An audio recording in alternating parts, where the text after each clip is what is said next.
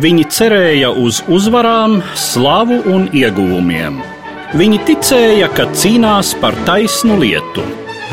Ticēja, ka šai cīņā tieši viņu pusē ir Dievs. Viņi iemantoja izpostītus novadus un sakropļotas miesas, sāpes, vilšanos, nāvi. Viņi, Eiropieši pirms simts gadiem. Lielais vēstures pagrieziens, Pirmais pasaules karš. Sarunās ar Eduāru Liniņu raidījumu ciklā Pirms simts gadiem Eiropā.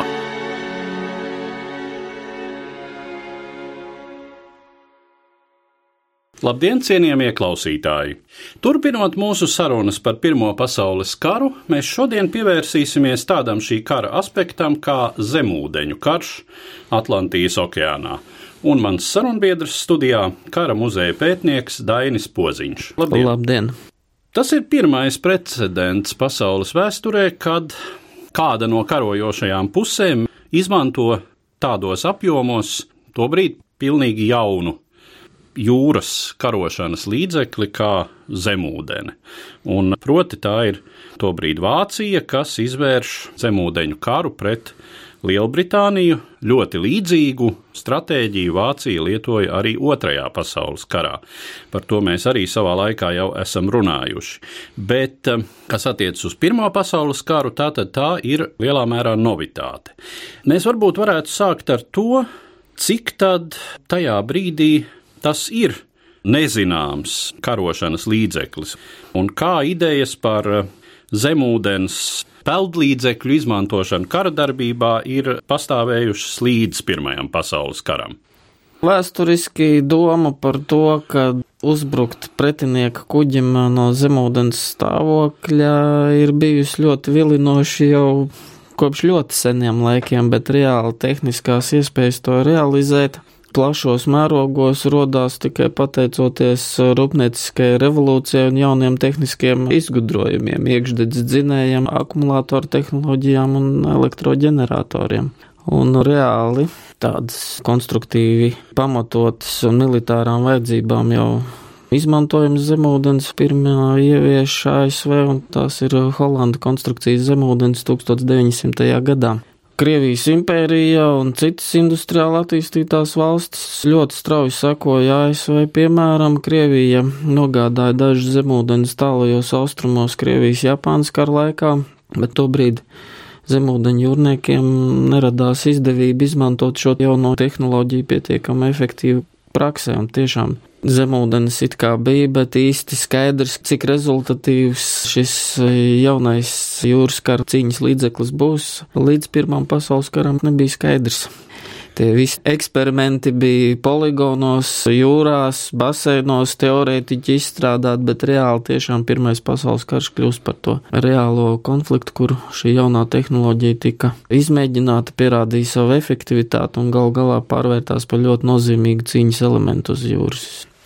Kas ir tie notikumi, kas ievada Vācijas pievēršanos šim cīņas līdzeklim? Pilnīgi objektīvā militārā situācija Pirmā pasaules kara sākumā. Tas nevienam nebija nekāds noslēpums, ka skaitliski daudz pārāk un spēcīgāk ir Lielbritānijas kara flote un atklātā jūras kaujā, kad iziet galvenie spēki, līnija kuģi abu valsti viens pret otru. Vācijas karaflotē nebūtu liels izredzes šo kauju uzvarēt, un pilnīgi loģiski, ka pašā kara sākumā pretinieki jau centās izmantot jūras ceļus un komunikācijas kā kara darbības zonu. Lielbritānija sāk bloķēt Vācijas kuģniecību. Loģiski, kad atbildes pasākumus veic arī Vācija, un Vācijai bija divi rīcības varianti, lai traucētu Lielbritānijas kuģniecību ar kolonijām. Tas ir reideri, jeb virsūdens kuģi, kurus jau bija saulēcīgi līdz Pirmā pasaules kara sākumam izsūtīti gan uz Indijas okeānu, gan uz Kluso okeānu, gan uz citām vietām, kas sāk aktīvi traucēt Britu kuģniecību. Un otrs tehniskais jaunievedums ir zemūdens, par kuru efektivitāti vēl 1914. gada augustā admirāļi Un nu, kapteiņi ļoti sīvi strīdējās, kā tad šīs zemūdens izmantot, vai zemūdeni ir izlūkošanas un krasta aizsardzības līdzeklis, jeb zemūdeni var kļūt arī par uzbrukumu ieroci. un efektīvu uzbrukumu ieroci. Un Vācijā tas pavērsienu punkts ir 1914. gada 22. septembris, kad Vācu zemūdeni 09 nepilns apmēram stundas laikā nogremdēja trīs britu bruņu kreiserus, un tas bija pamatīgs šoks britu admirāļiem, jo ir salīdzinoši neliels kuģis ar, ja pareizi atceros, 29 vīru apkalpi. Nogremdēja daudzkārt lielākos kreiserus. Protams, tie nebija paši modernākie karakuģi, bet 29 vīri nodarīja ļoti lielu zaudējumus Britu flotē, un zemūdeņu jūrnieki īsā laikā ar šo akciju pierādīja, ka zemūdens ir efektīvs cīņas līdzeklis. Un tas bija tikai laika jautājums, kad eh, Vācija un Vācu kara jūrnieki sāka izmantot zemūdens cīņā ar pretinieku kuģniecību. Protams, tur sākumā bija dažādi ierobežojumi, jo karojošās puses centās ievērot tā laika jūras kara vešanas likumus un konvencijas. Un kuģis pirms nogremdēšanas brīdināja, kad ir zemūdeni tos pamanījusi, lika apstāties, tad zemūdeņu jūrnieki sūtīja reidu partiju pārbaudīt šo kuģi krāvu, un, ja konstatēja tā saucamo karu kontrabandu arī uz neitrāliem kuģiem, ne tikai britu, tad šo kuģi nogremdē, bet tirzniecības jūrniekiem ļāva sakāpt lēvās un pamest šo nogremdējamo kuģi. Protams, pretdarbības pasākumi radīja citas sekas, jo Briti sāka tirzniecības kuģus savējos apbruņot Un vācu zemūdeņu jūrnieki ar savām nu, zemūdens apkalpu nebija liela. Tātad uzbrukt šādam kuģim jau ir sarežģīti. Nekas no pārmeklēšanas nesanāk, un jau uz tirzniecības kuģi ir uzlikts lielgabals. Uzbrukt no virsūdens stāvokļa ir bīstams zemūdenē, un pilnīgi loģiskais rezultāts ir tāds, ka vācu zemūdeņu jūrnieki sāka gremdēt kuģus bez brīdinājuma. Un pamazām, pamazām notika šī zemūdens kara eskalācija. Viens solis rada pretpasākumus, ieviestie pretpasākumi, piespiež mainīt taktiku, un karš kļūst aizvien nežēlīgāks. Pēc jūras kara noteikumiem apbruņots kravas kuģis taču vairs neskaitās civils kuģis. Lielā mērā, jā, tas ir ar ieročiem aprīkots kuģis, apkalpe ir militāri trenēta. Lielākie strīdi bija par neitrālo valstu kuģiem, it sevišķi par Amerikas Savienoto valstu, Zviedrijas, Norvēģijas kur, protams, turpināja kuģot uz Lielbritāniju. Lielbritānija pati bija lielā mērā atkarīga arī no jūras satiksmes, jo saņēma ārkārtīgi lielu daļu rūpniecībai nepieciešamo izaivielu pārtiks un, un, un dažādas militārās ekonomikas funkcionēšanai nepieciešamas lietas ne tikai no savām aizjūras kolonijām, bet arī no šīm neitrālajām valstīm. Un Briti sāk izmantot arī tādu taktiku, ka Britu kompāniju kuģi nomaina reģistrus, uzvelk neitrālas valsts karogu un ved kara materiālus. Un, protams, ka vācieši to atklāja, un līdz ar to šie neitrālo valstu kuģi arī arvien biežāk kļuva par zemūdeņu uzbrukumu upuriem. Protams, ka tas izsauc neapmierinātību tā saucamajās neitrālajās valstīs. Plus vēl Briti ārkārtīgi stingri bloķēja Ziemeļjūru, un arī Vācija iespaidoja tas, ka tirzniecība ir traucēta un Briti jūrnieki pārbaudīja visus kuģus, kas gāja uz Vāciju un nelaida cauri pat kravas ar pārtiku, un Vācijā tas tika uzņemts ļoti sāpīgi un ar ļoti lielu nepatiku, ka Briti mēģina izmērdēt Vāciju un šādā veidā piespiest padoties. Tā kā šis jūras karš diezgan strauji eskalējās. Sākumā, protams, Vācija diezgan piesardzīgi izmantoja šos zemūdens spēkus, jo Vācu diplomāti un politiķi un arī armijas vadība ļoti labi saprata, ka pilnīgi neierobežots zemūdens karš pret Lielbritāniju var naidīgi noskaņot pret Vācijas sabiedrisko domu vispirms Amerikas Savienotajās valstīs. Tas bija viens no tiem bažu iemesliem, kāpēc bija tomēr sākumā daži ierobežojumi.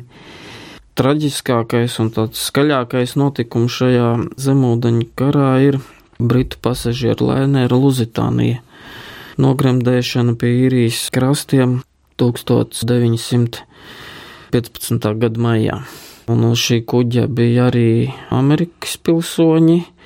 Vācija pat tā laika Amerikas avīzēs publicēja brīdinājumu, ka Luzitānija pārvadā militāras kravas sprākstvielas un kad ASV pilsoņi braukdam ar šo kuģi pakļauj savu riskam, bet kara burzmā to neviens īsti vērā neņēma. Oficiāli Britu valdība noliedz, kad tiktu pārvadāti kara materiāli, bet reāli pēc kara jau vēlāk mūsdienās izrādījās, ka tomēr vācu pieņēmums, ka ir šī kara kontrabanda uz Luzitānijas, izrādījās patiesi. Jā, arī pašā incidentā es saprotu, ka kuģis eksplodēja Pēc torpēdas trāpījuma kuģis nogrima 18 minūšu laikā, un ir liecības, ka ir bijušas eksplozijas sekundāras, un kuģis nogrima neparasti ātri.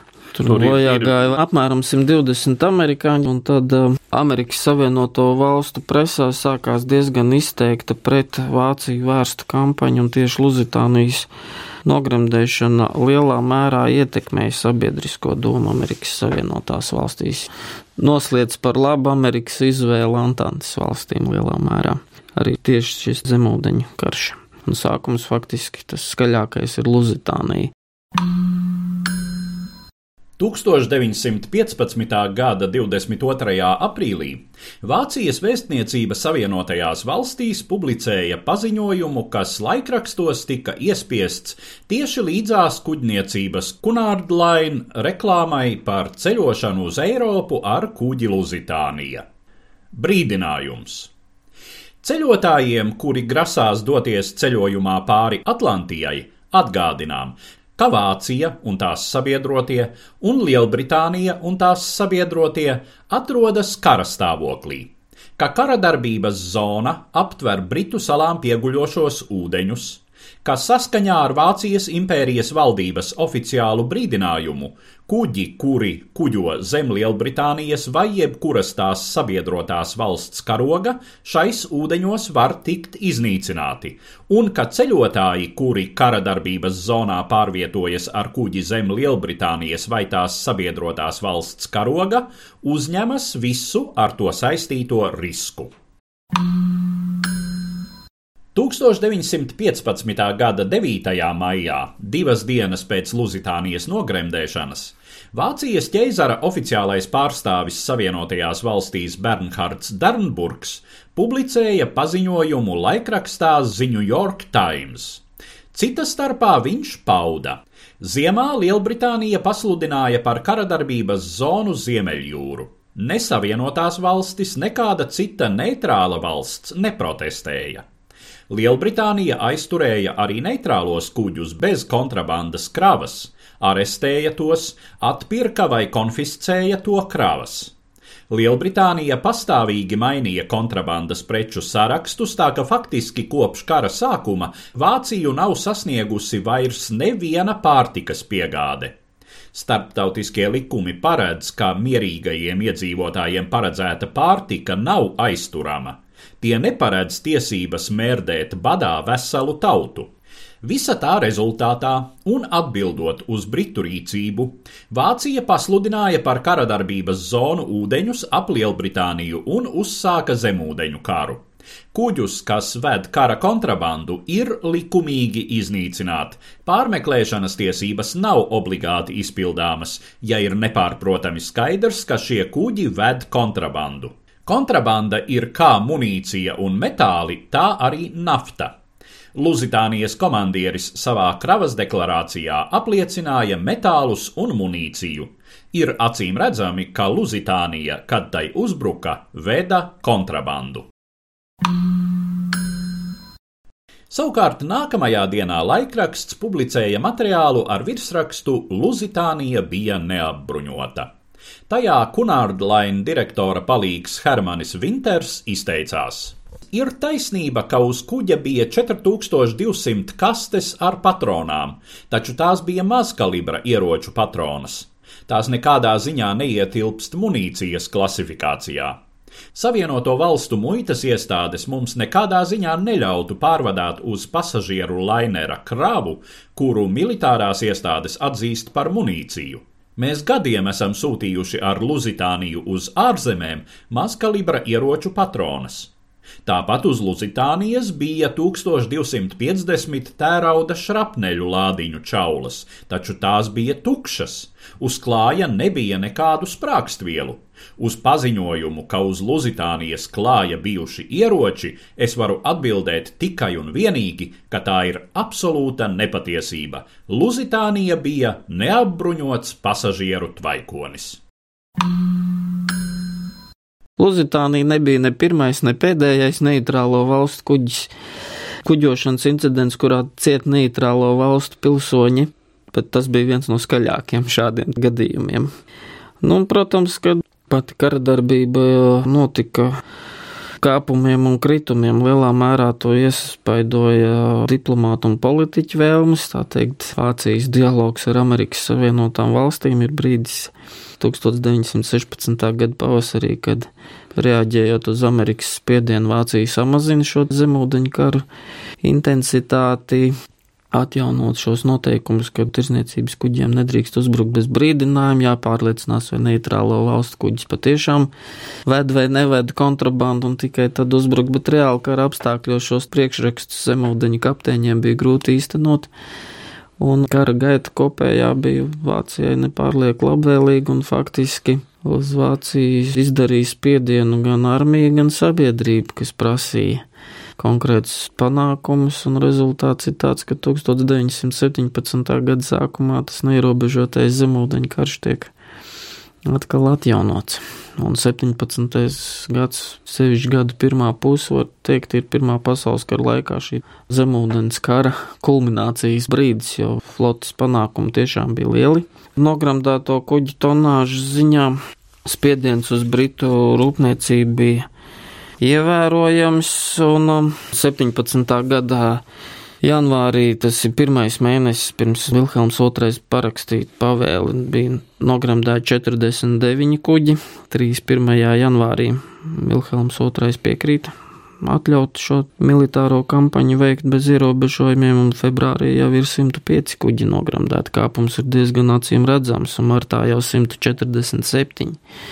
Marta mēnesī 25% no tiem kuģiem, kas devās uz Lielbritāniju, tika nogremdēti, tas ir ārkārtīgi augsts zaudējuma procents. Un, protams, Britu flote tiešām izmisīgi meklēja tehnoloģisko risinājumu, kā tad cīnīties ar šiem zaudējumiem, pirmais vienkāršākais un loģiskākais veids bija konvojas sistēmas ieviešana vispārējā mērogā, kad uh, tirdzniecības kuģi iet karakuģa apsardzībā, Sākotnēji šo sistēmu izmēģināja uz militārajiem transportiem Lamanšu ūdeņos, transportējot karaspēkus Franciju, bet 17. gada pavasarī Briti bija spiesti attiecināt šo sistēmu uz visu tirzniecības kuģniecību un arī uz jauno sabiedroto, jo tieši 17. gada pavasarī arī Amerika gal galā izšķirās par to ka atbalstīs Antantes valstis Pirmajā pasaules karā. Un zemūdeņu kampaņa ir viens no šiem argumentiem, kas maina Amerikas valdības nostāju Antantes jautājumu. Protams, ir vēl citu faktoru, Krievijas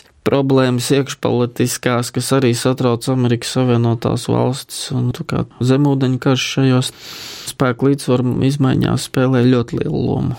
Un kā jūs jau teicāt, tieši Savienoto valstu sabiedriskās domas. Spiediens bija diezgan liels, jo amerikāņu rūpnieku tirdzniecības kompānijas cieta diezgan lielu zaudējumus, arī cilvēki gāja bojā, un, protams, ka tas Amerikā izsauc diezgan asu un negatīvu reakciju.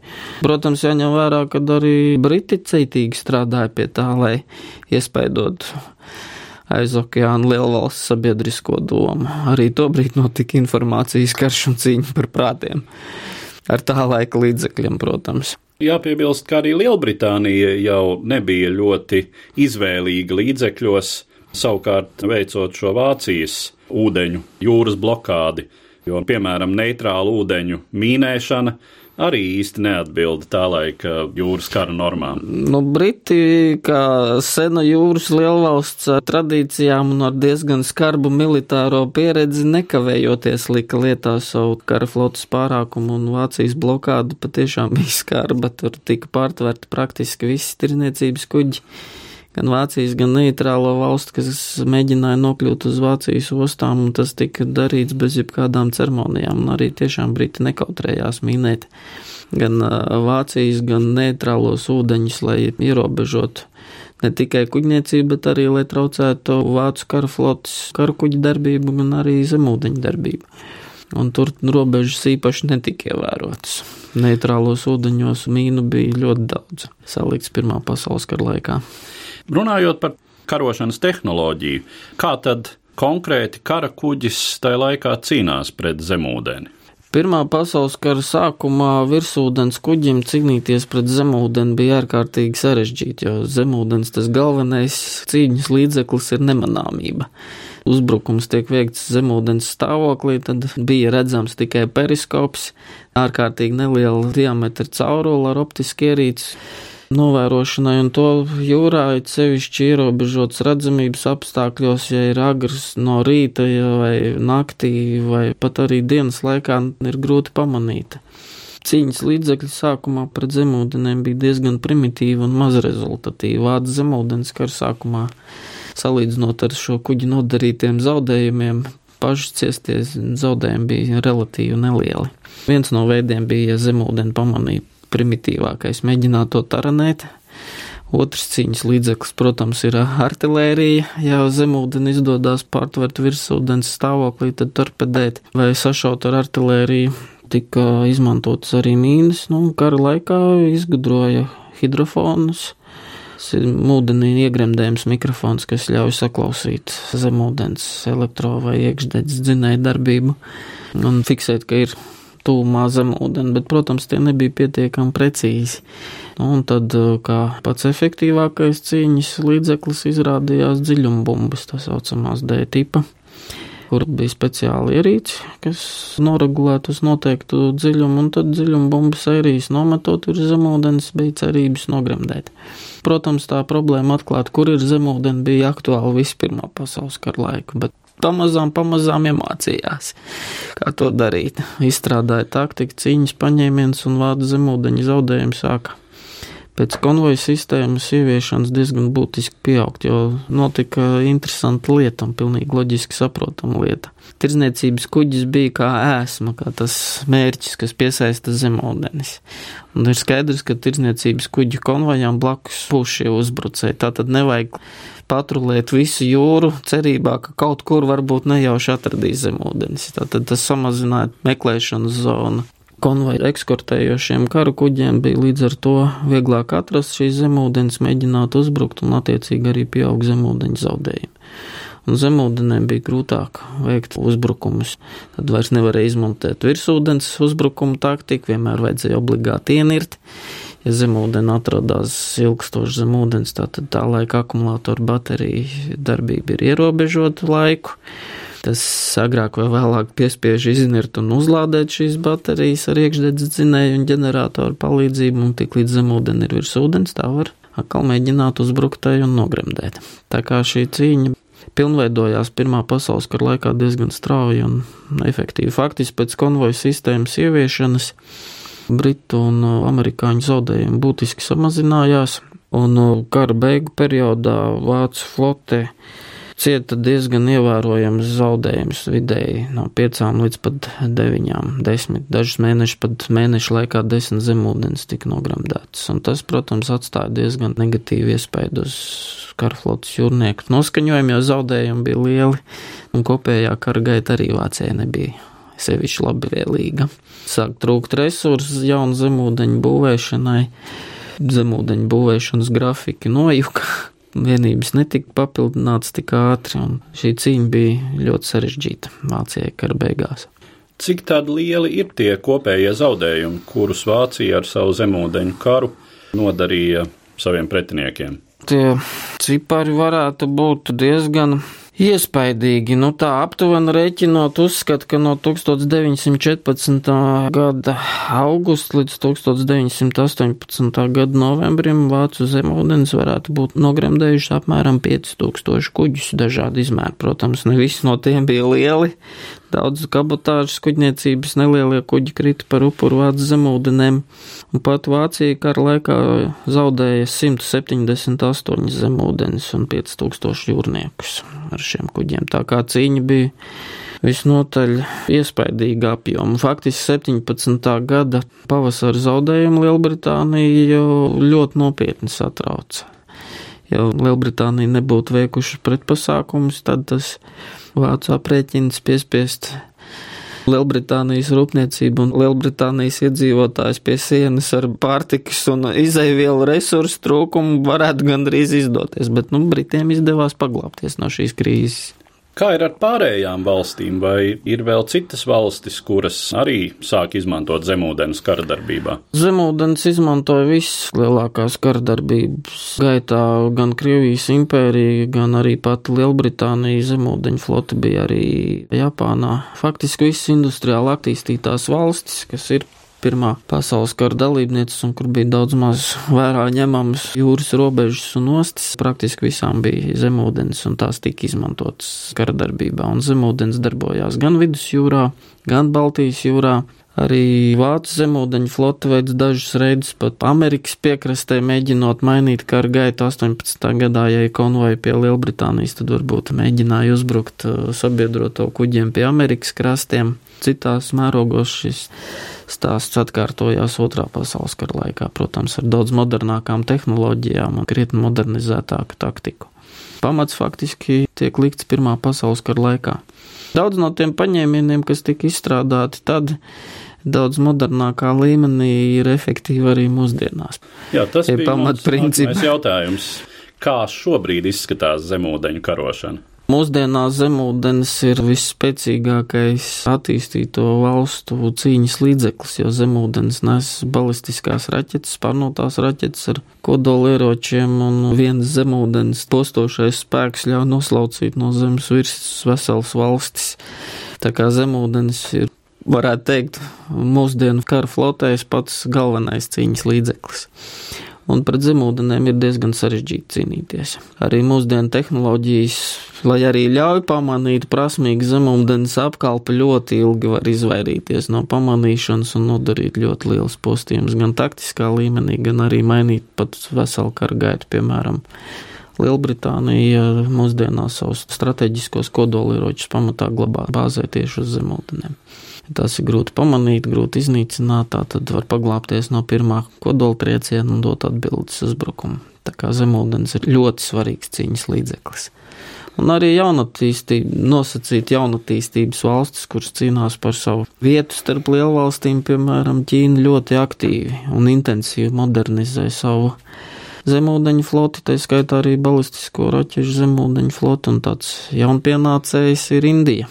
Indijas kara flote arī veic eksperimentus ar balistiskajām raķetēm un gatavojās jau diezgan tuvā nākotnē ieviest šādu tipu zemūdeni savas kara flotes apbruņojumā.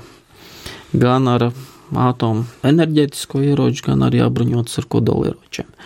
Tā kā pasaule šai ziņā mainās diezgan strauji. Tuvinot sarunu noslēgumam, jūs jau piesaucāt Baltijas jūru. Cik lielā mērā zemūdeņu karš skar mūsu tuvākos ūdeņus, un vai ir kādi nogremdēti kuģi, kuri būtu reģistrēti Rīgā, Liepājā, kur apkalpēs būtu latviešu jūrnieki vai pasažieri, kas būtu gājuši bojā tādi kuģi ir, kas nākuši uz Rīgas ostām, kas ir cietuši zemūdeņu un mīnu uzbrukumu rezultātā. Ir arī kara kuģi cietuši un zemūdens izmantoja gan Vācijas, gan Krievijas kara flotu. Un patiesībā Latvija ir diezgan interesanta zeme, jo Baltijas jūrā viena no galvenajām zemūdeņu flotas bāzēm atradās Liepājā. Liepājā bija, varētu teikt, viena no svarīgākajām Krievijas zemūdeņu jūrnieku skolām.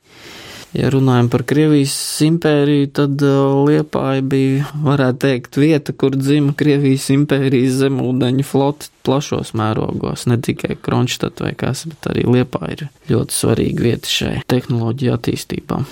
Tā kā zemūdens Latvijā bija jau ilgi pirms Pirmā pasaules kara sākuma. Te notika dažādi eksperimenti ar dažādu tipu zemūdenēm, notika arī jūrnieku apmācības zemūdens regulāri atradās Baltijas jūras ūdeņos, Liepājas un visas Latvijas ūdeņa apkārtnē. Ilgi pirms Pirmā pasaules kara.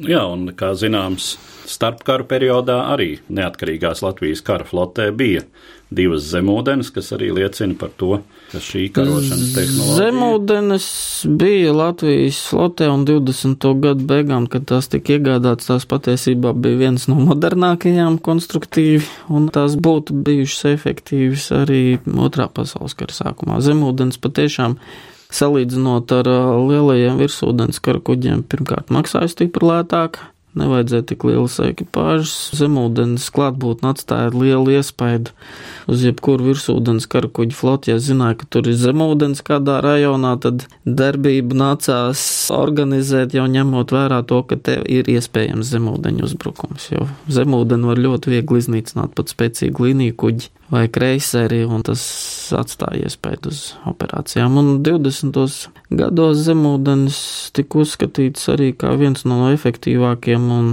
finansiāli izdevīgākiem veidiem, kā aizsargāt piekrastes ūdeņus pret svešu valstu karakuģu uzbrukumu. Tur nevajag lielu tonāžu, liels jaudas karakuģi, lai atturētu daudz spēcīgāku pretinieku no uzbrukuma. Un tas ir aktuāli arī mūsdienās. Zemūdens joprojām ir efektīvs cīņas līdzeklis. Ar tādu secinājumu tad mēs arī noslēdzam mūsu šodienas sarunu, kas bija veltīta zemūdens karam Pirmajā pasaules karā. Un es saku paldies manam sarunbiedram, vēsturniekam, kara muzeja pētniekam Dainim Poziņam. Paldies! Ticība un cerības, vilšanās un nāve, zaudējumi un ieguvumi pirms simts gadiem Eiropā. Raidījumā šīs dienas acīm sarunājamies par Pirmo pasaules karu.